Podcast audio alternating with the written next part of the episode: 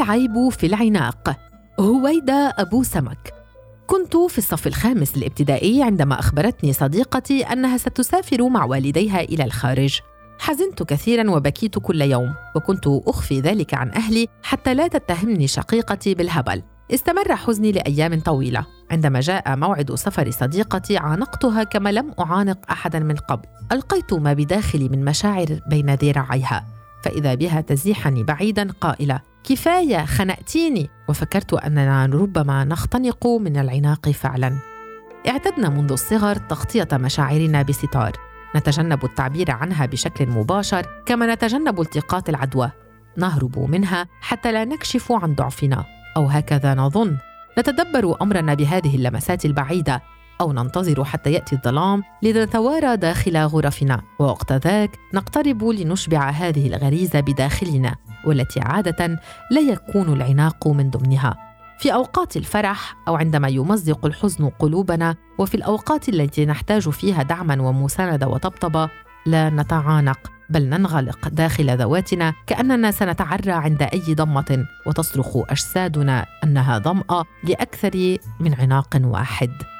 العناق فن أن تتخلى عن تكلفك وتجعل من ذراعيك جنة لاحتواء أحبتك وتستقبل عطاءهم دون خجل أو تردد.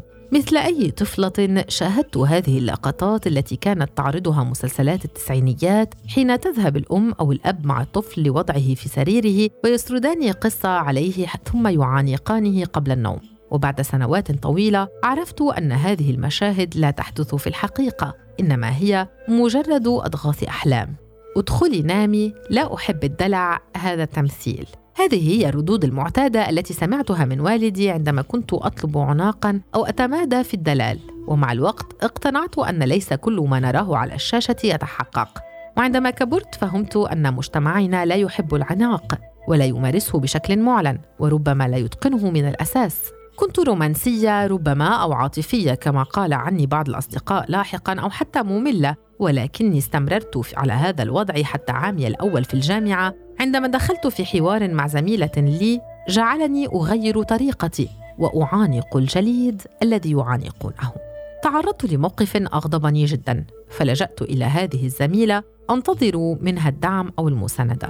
وقت ذاك قالت لي جملا لا أنساها لا تكوني ضعيفة لا أحب العناق وإظهار العواطف كما أن طريقتك لا تعجبني.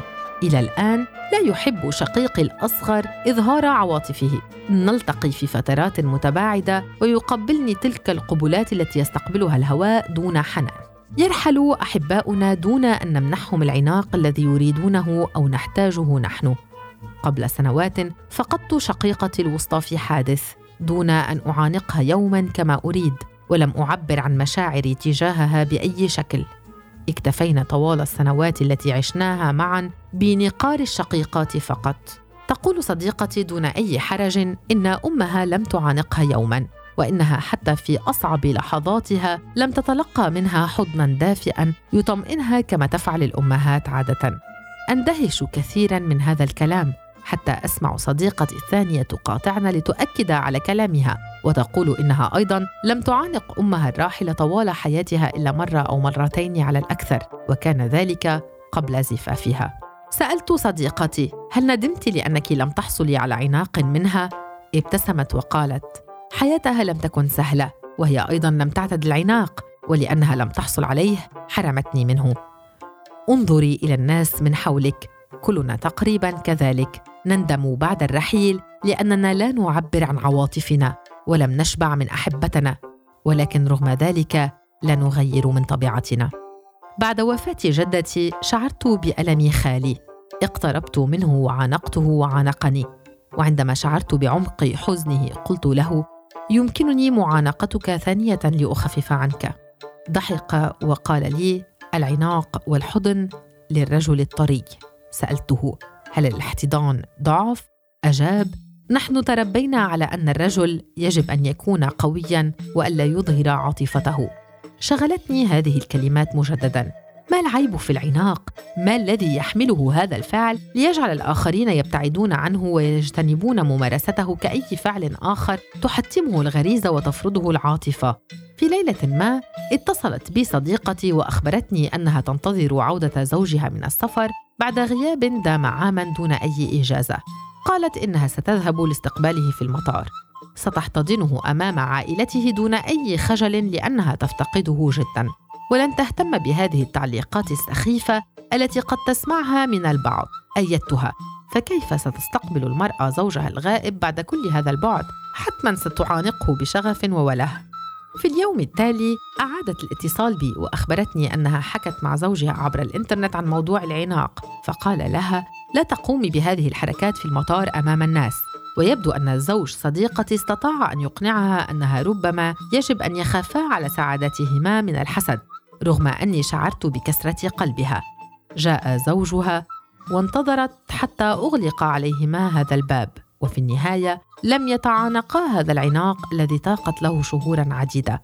وهذه هي القصة المكررة التي تحكيها الأخريات. لم تعد أمي الآن تتكلف كثيرا في العناق ولا أبي ربما بسبب كبر سنهما وشعورهما بأن رحيل قد يحدث في أي وقت. وعانقهما عند كل لقاء وأغرقوا بين ذراعي شقيقتي الكبرى التي أراها كل حين. وأعيش كل يوم عناقا يتجدد مع صغيرتي.